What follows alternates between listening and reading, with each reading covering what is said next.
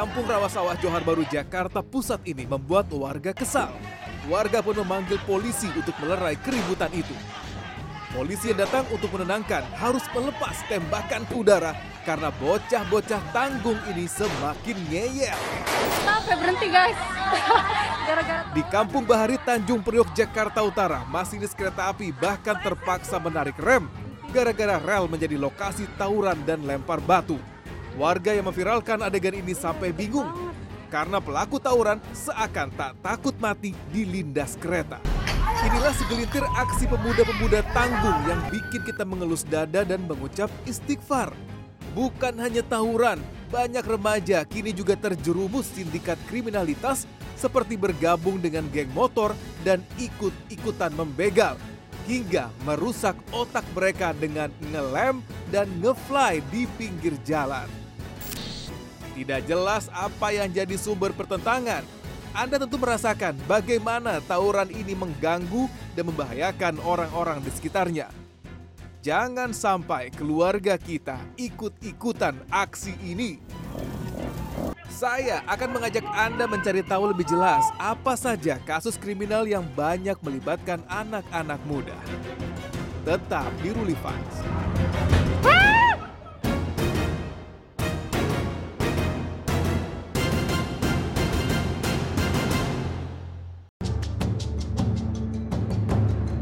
Kali ini saya menelusuri sebuah wilayah di DKI Jakarta yang sejak dulu identik dengan tawuran.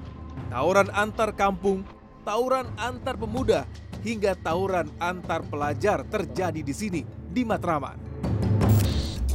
Di salah satu wilayah panas ibu kota ini, saya bertemu dengan Zalbi, nama samaran yang cukup keren menurut saya. Zalbi mengaku kerap menjadi pentolan kala tawuran antar kampung pecah di Matraman. Saya melihat beberapa goresan bekas senjata tajam di wajahnya. Salah satunya bahkan hampir membuatnya buta. Bagi Zalbi, ini adalah tanda seorang jagoan. Inilah hal yang ia pegang sejak mencicipi kerasnya hidup di jalanan ketika masih duduk di bangku SMP. Tak hanya adu nyali, tawuran juga menjadi ajang pamer senjata tajam. Jarang sekali tawuran dilakukan hanya dengan tangan kosong. Sejumlah senjata bahkan identik dengan aksi tawuran. Mulai dari batu, parang, samurai, hingga celurit berukuran besar.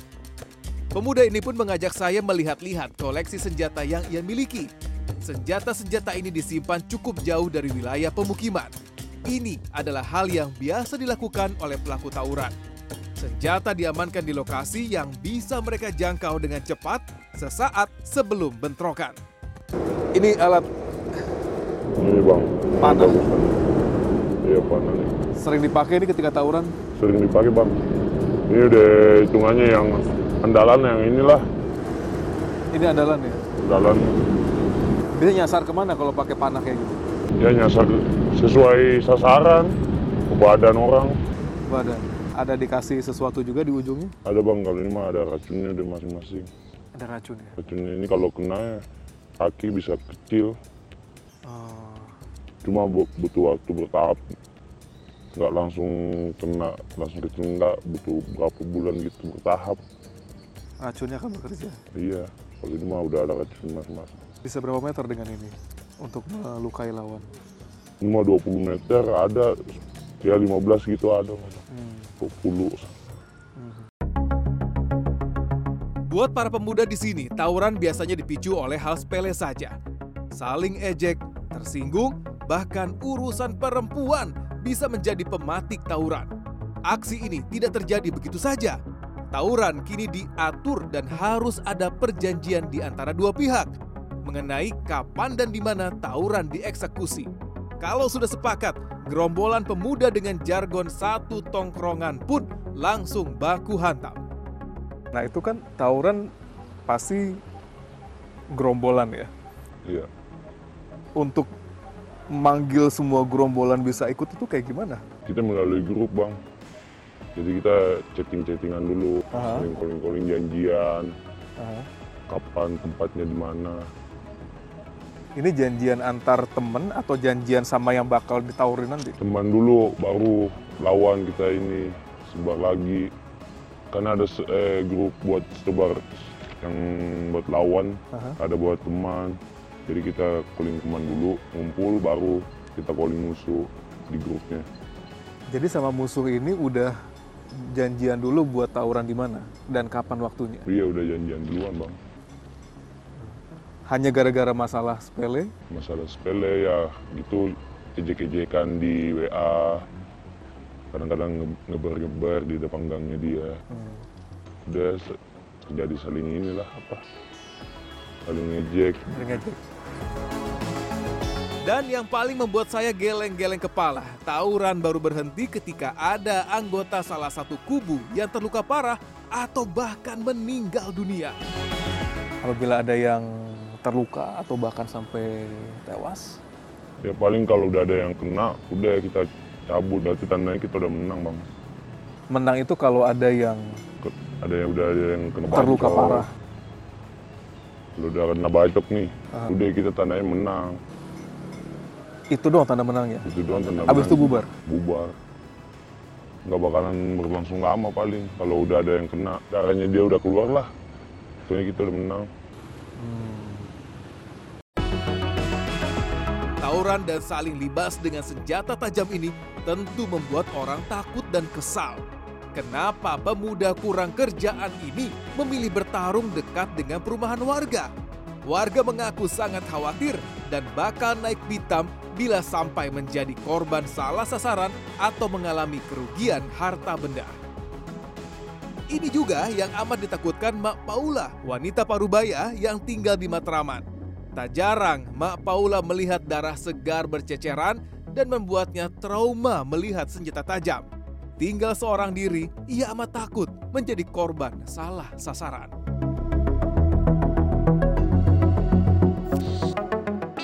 Sebagai ibu yang punya anak laki-laki, Mak Paula mengaku bakal murka, bahkan tak segan-segan memutus hubungan bila anak-anaknya terlibat tawuran. Dia ngelihat kayak anak-anak muda tawuran pakai senjata tajam tuh bawaannya gimana, Bu? ya karena tuh saya ketakutan aja lah suka kadang-kadang saya suka teriak kak Hmm. suka teriak eh lu jangan macem-macem anak sekolah dibiayain sama orang tua pada kurang ajar saya bilang gitu harusnya kita bersyukur jangan tawuran nanti kalau udah ketangkep nangis saya bilang gitu Hmm. Tidak hanya tawuran yang membuat para orang tua makin was-was dengan nasib anak-anak mereka.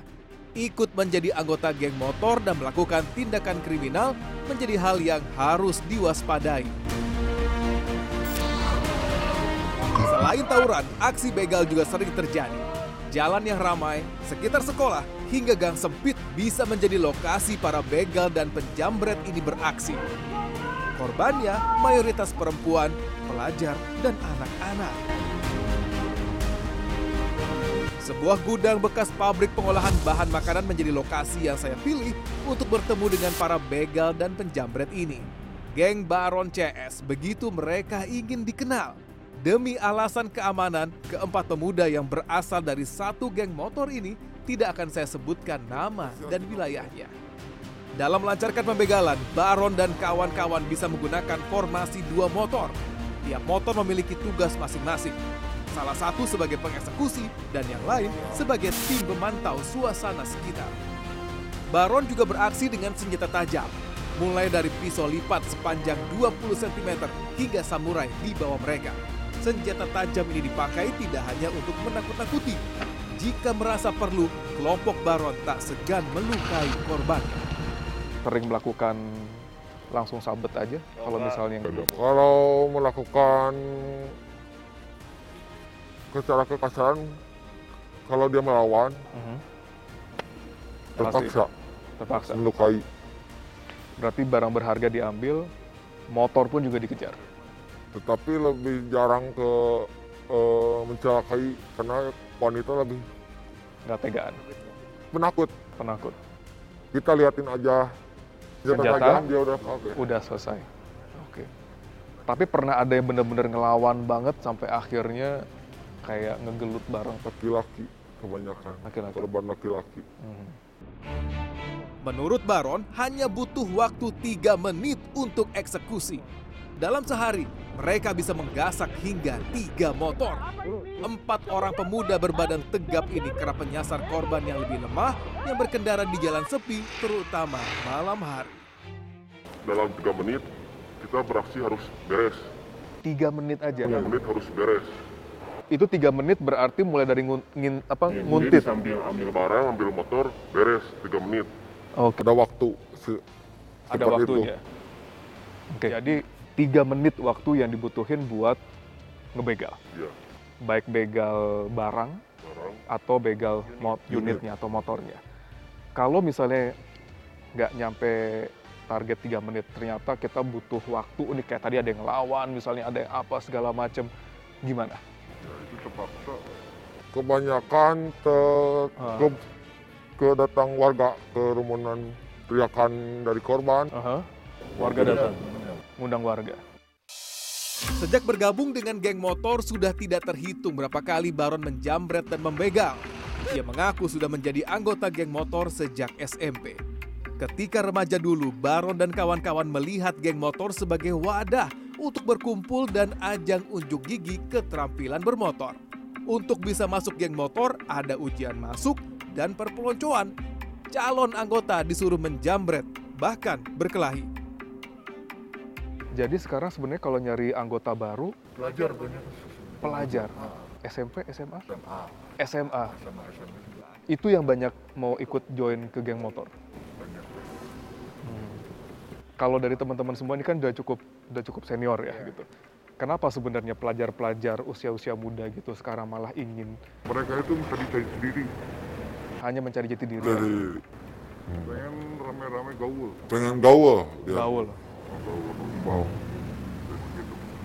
Dari yang pertama punya motor bagus, dia pretelin pengen jadi brand, Mhm. jadi gitu seperti itu. Oke, oke. Ada tes masuk saya bilang untuk bisa gabung.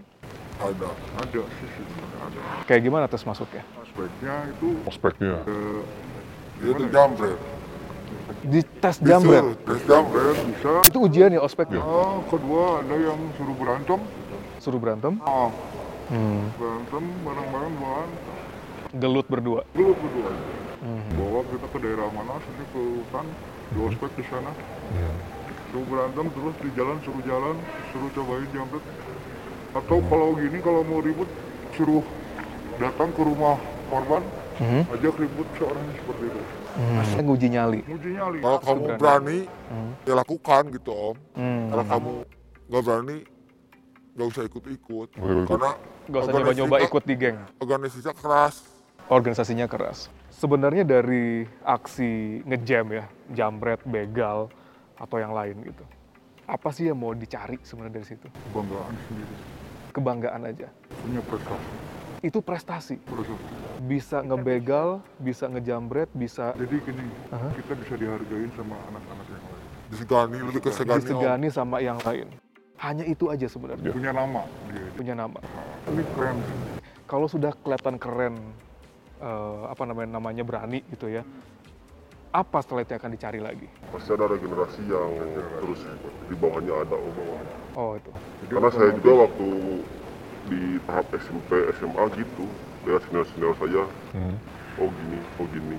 Hmm. Nah ini, oh gini. Karena di lingkupan daerah saya gitu. Hmm. Itu menurun om Turun- Turun menurun aja.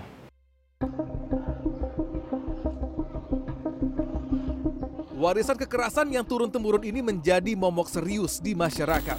Polisi pun mengaku tak akan ragu menindak tegas biang kerok kenakalan remaja.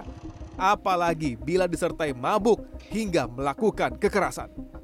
Berarti memang peran masyarakat ini penting ya untuk me- apa namanya, menekan aksi pembegalan dari eh, adanya keberadaan anak muda yang berkumpul dengan eh, apa jumlahnya cukup besar itu bisa dikatakan geng motor atau geng-geng yang lain Iya. gitu ya. Jika kita bicara pelaku begal dari kelompok anak-anak yang berkumpul kemudian mabuk atau narkoba hingga dia eh, melakukan hal-hal ya, melakukan hal-hal yang di luar nalarnya manusia, maka itu memang butuh peran serta masyarakat, lingkungan sekitar pengurus RT RW, kelompok Pokdar Kamtipmas.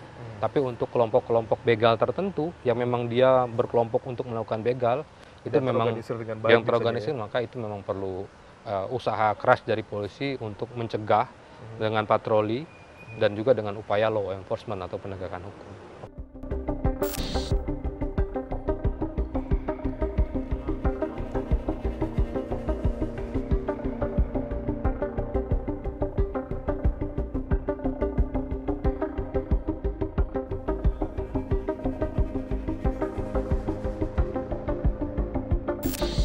Bergaul di jalanan, banyak remaja kecanduan ngelem dan ngefly di pinggir jalan. Tetap di Ruli Files.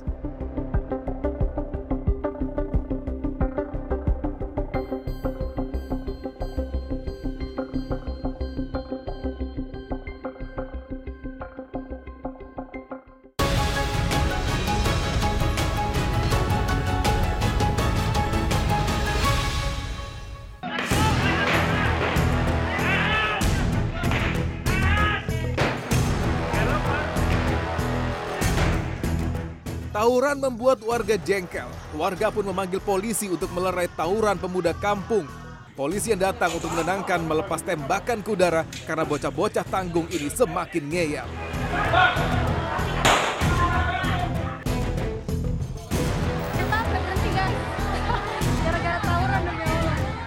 Tawuran pemuda tanggung ini tidak kenal tempat dan waktu. Bayangkan, masinis kereta api bahkan terpaksa menarik rem gara-gara rel menjadi lokasi tawuran dan lempar batu. Warga yang memviralkan adegan ini pun sampai bingung karena pelaku tawuran seakan tak takut mati di lindas kereta. Tidak hanya tawuran, kenakalan remaja kini bisa berujung pada tindakan kriminal yang menghilangkan nyawa. Sejak dulu, geng motor sudah menjadi magnet remaja usia SMP hingga SMA untuk mempertontonkan eksistensi dan skill bermotornya. Tapi kalau terpleset dalam pergaulan geng motor yang salah arah, bukan lagi ajang pamer jago kebut. Bergabung ke perkumpulan ini justru bisa berujung di penjara.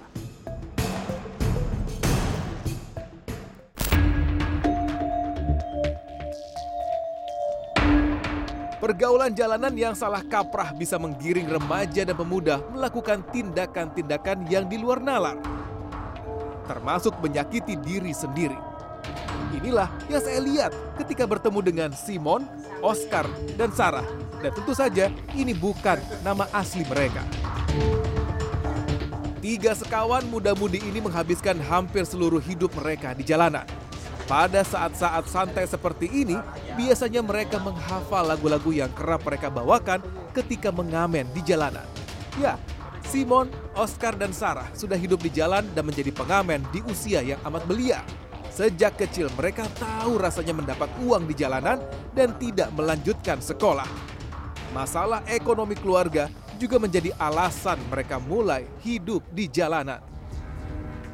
Ya, saya waktu turun ke jalan waktu umur lima tahun. Lima tahun. Kenapa turun ke jalan umur lima tahun? Ya, karena nggak kecukupan ditinggal sama orang tua. Dari umur,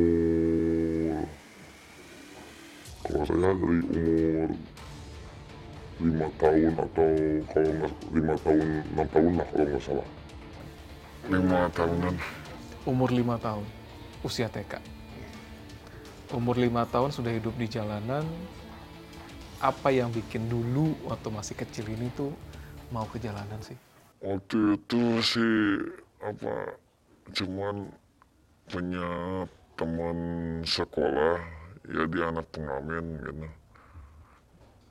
ngajarin saya apa nyanyi gitu ngajarin saya main apa drum itu piano gitu akhirnya saya ikut sama dia gitu.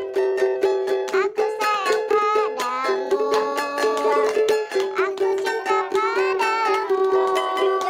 Semua kata Ketika mengamen, Sarah biasa menjadi pemetik gitar, Simon vokalis, dan Oscar bertepuk tangan saja. Emperan toko, perempatan jalan, hingga terminal menjadi lokasi mereka beroperasi. Bagi mereka, hidup di jalanan dengan mengamen membuat mereka bebas dari kekangan orang tua.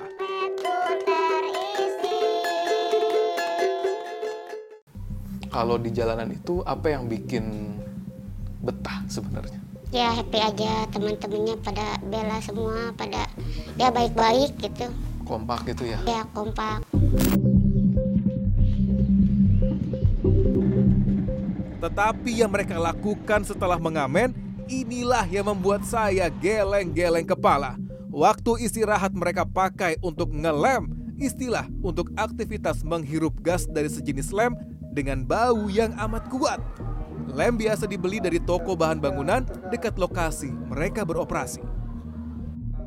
Bagi Simon, Oscar, dan Sarah, ngelem sudah menjadi bagian dari hidup mereka sejak mengecap kehidupan di jalanan.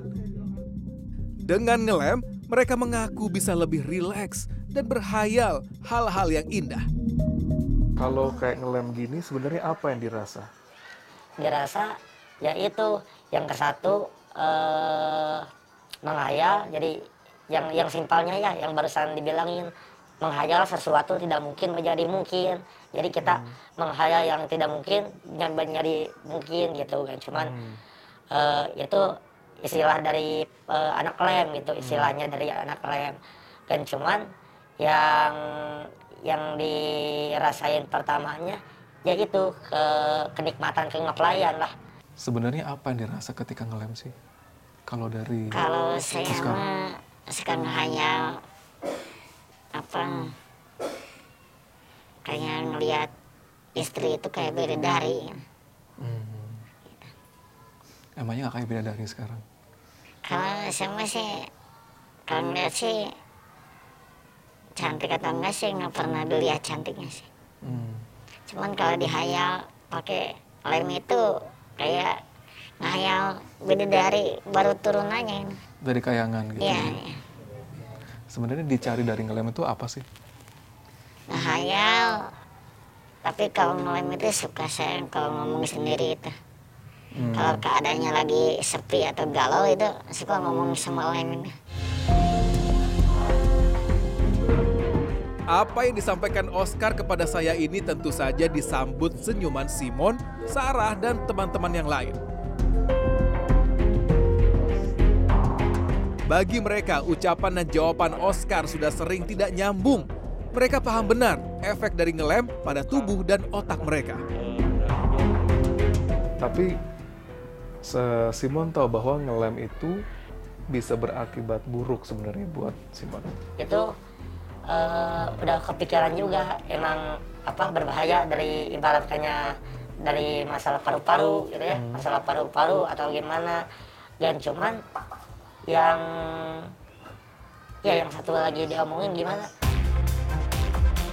Bagaimana tidak kecanduan dalam sehari berkaleng-kaleng lem bisa mereka hirup. Tapi tahu nggak kalau ngelem itu bahaya gitu? kalau dibilang mah ya bahaya sih bisa merusak paru-paru bisa merusak jantung yang ada Hmm. seperti inilah rokok Kalau dari Oscar gitu ya, eh, ngelem itu bisa berapa kali sehari? kalau dari saya masih siang mah waktu makan sih waktu makan kalau ngelem mah ya nanti aja saya sudah makan Berarti ngelem tuh kayak makan, bisa tiga kali sehari. Gak kayak ngisep rokok aja gitu Sering dong kalau ngisep rokok. iya Berarti ngelem juga sering banget. iya sering Selain untuk kebutuhan makan, ke sinilah uang hasil mengamen mereka berakhir ke kaleng-kaleng kecil lem ini. Kawan satu tongkrongan ini tidak punya tempat tinggal tetap. Emperan toko yang sudah lama tutup inilah tempat mereka tinggal. Tidur hanya beralaskan kardus atau di lantai selasar toko. Ngelem seakan menjadi pelarian Simon dan teman satu tongkrongannya. Memang mereka tidak membahayakan nyawa orang lain, tapi kehidupan yang mereka jalani berbahaya dan menyakiti diri mereka sendiri.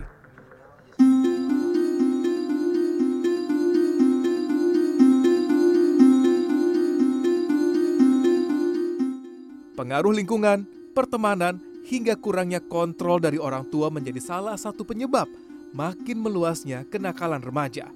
Menurut KPAI, agar anak-anak terlindung dari kasus kenakalan ini, pendidikan yang baik dari orang tua adalah harga mati.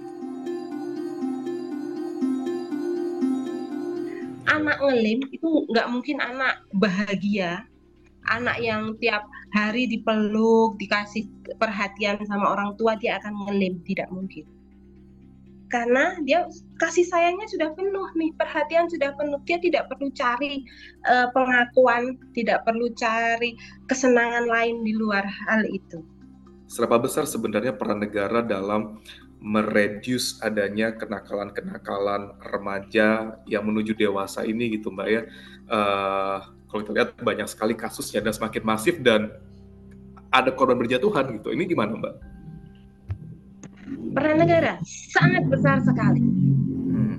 Yang mempunyai uh, apa ya uh, resources paling besar kan negara kan. Dia punya perangkatnya, punya budgetnya, punya SDM-nya. Cuman bagaimana dan mereka, negara juga punya kemampuan membuat regulasi. Cuman bagaimana uh, sumber daya itu benar-benar dikelola dan difokuskan uh, ada ada fokus khusus untuk penguatan keluarga.